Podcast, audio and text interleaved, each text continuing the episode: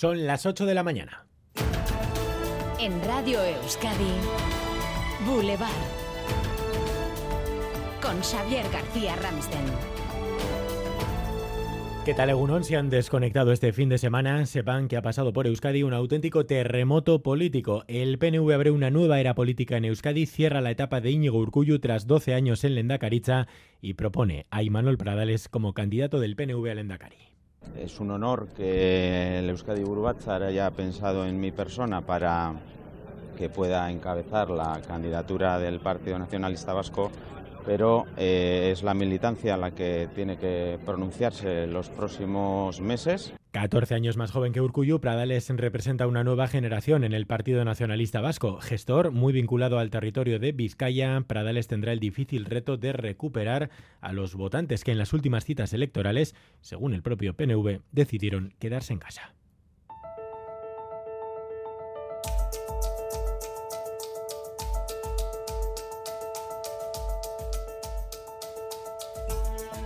Euskadi pisa el acelerador para unas elecciones que aún no tienen fecha, inicialmente previstas para junio. A estas alturas parece imposible que no se adelanten unos cuantos meses. La decisión la debe tomar el Lendakari Iñigo Urcuyu, quien ayer se fundía en un abrazo con Pradales en su carrieta en el 120 aniversario de la muerte del fundador del partido Sabino Arana. Urcuyu asumía su salida, dejando entrever desde luego que esa salida no ha sido voluntaria.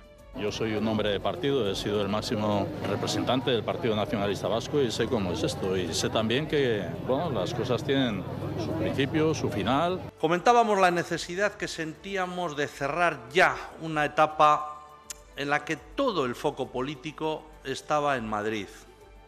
La necesidad de volver a poner el foco en Euskadi, en la política vasca, porque teníamos, tenemos la sensación de que una parte de nuestra sociedad se está despistando y se está perdiendo el foco.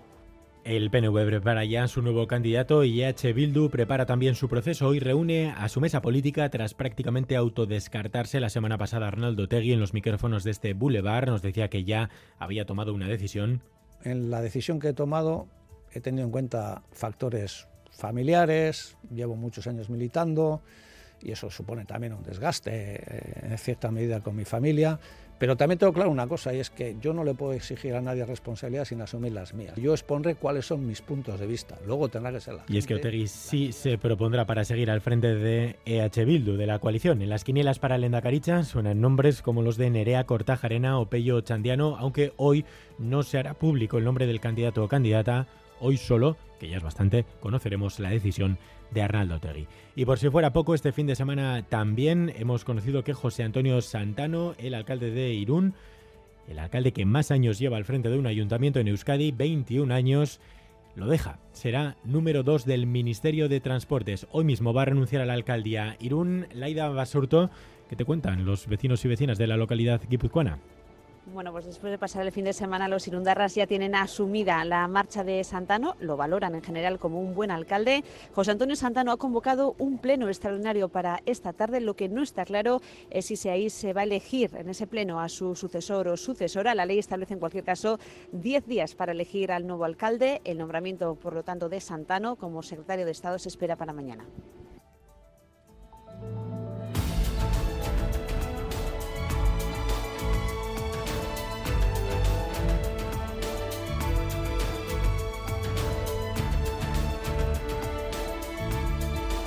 Además, Asier Herrero Egunon. Egunon. Del Ártico al Cantábrico, ITV recorre la zona cero del calentamiento global para poner en marcha la campaña Ekin Clima. E informar y sensibilizar sobre el cambio climático y sus impactos de la mano del responsable de Internacional, Miquel Reparaz.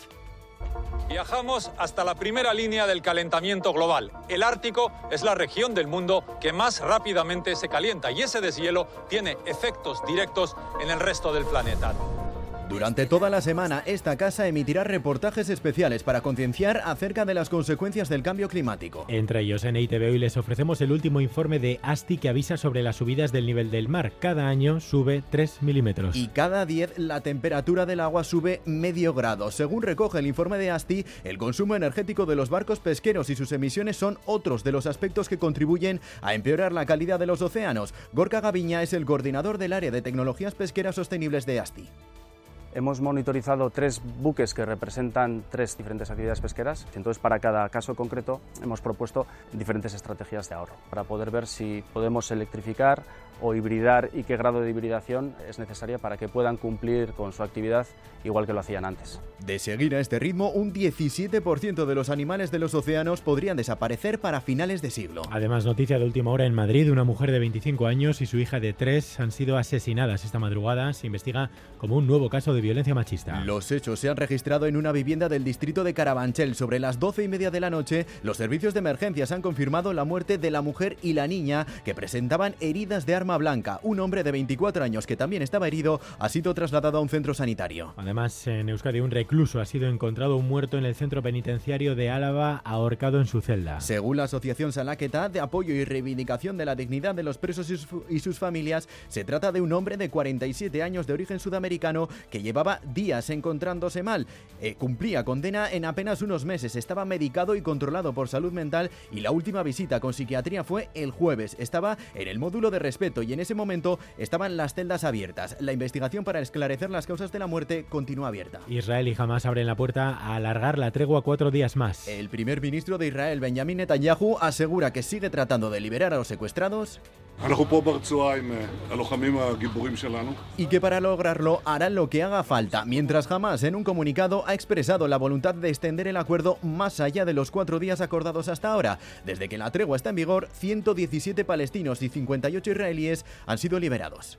Y nos vamos en directo a Bilbao, donde se investiga una pelea multitudinaria a las puertas de la discoteca MoMA. En las imágenes de los vídeos que se han visto de esa pelea, eh, se puede ver cómo los porteros de la discoteca propinan eh, fortísimas patadas a jóvenes echados en el suelo. En Bilbao está la unidad móvil de Radio Euskadi, Chavi Segovia Egunon.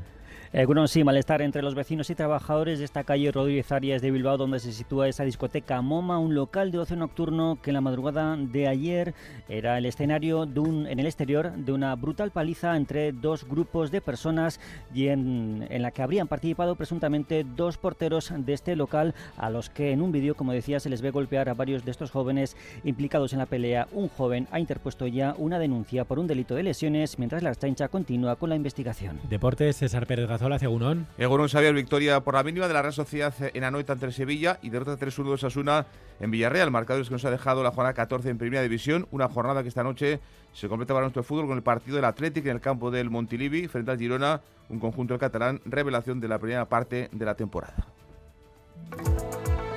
Boulevard. BRTA, Alianza Vasca de Investigación y Tecnología, te ofrece el tiempo. El tiempo que va a estar desde hoy marcado por la lluvia y por el viento. Euskal Met, Nayara Barredo, Egunon. Egunon, hoy el paso de un frente nos traerá lluvia de forma generalizada. Durante la mañana ya comenzará a llover en muchos puntos y con el paso de las horas esa lluvia se extenderá a todas las zonas, aunque será más abundante, eso sí, en la vertiente cantábrica. Además de esa lluvia, el frente nos traerá también un cambio de viento que inicialmente soplará del sur. En las horas centrales del día, ese viento girará noroeste y soplará con cierta intensidad, sobre todo en la costa y por la tarde. Las temperaturas máximas no variarán variará mucho, de modo que se quedarán entre los 10 y los 15 grados. Por lo tanto, con el paso de las horas, la lluvia irá llegando a todo el territorio y el viento del noreste se intensificará, especialmente en la costa y por la tarde. Tenemos hasta ahora 4 grados en Gasteiz y en Iruña, 7 en Donostia, 8 en Bayona y 10 en Bilbao. Egunon, sornotxan sortzi gradu. Agur, ondo izan. Egunon, elgean 6 gradu eta odeizu. Agur.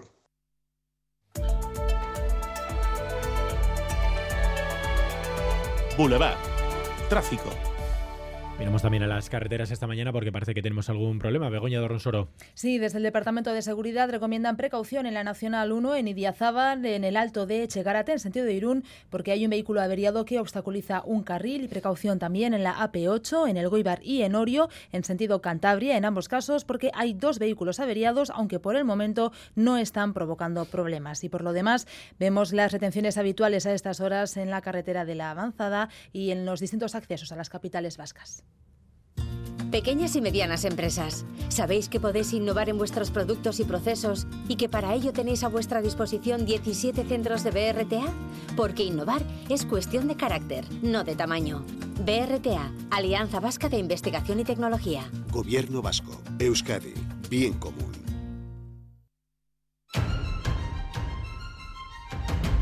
Recupera los contenidos de Radio Euskadi en la web eitv.eus y en la app EITB Nayeran.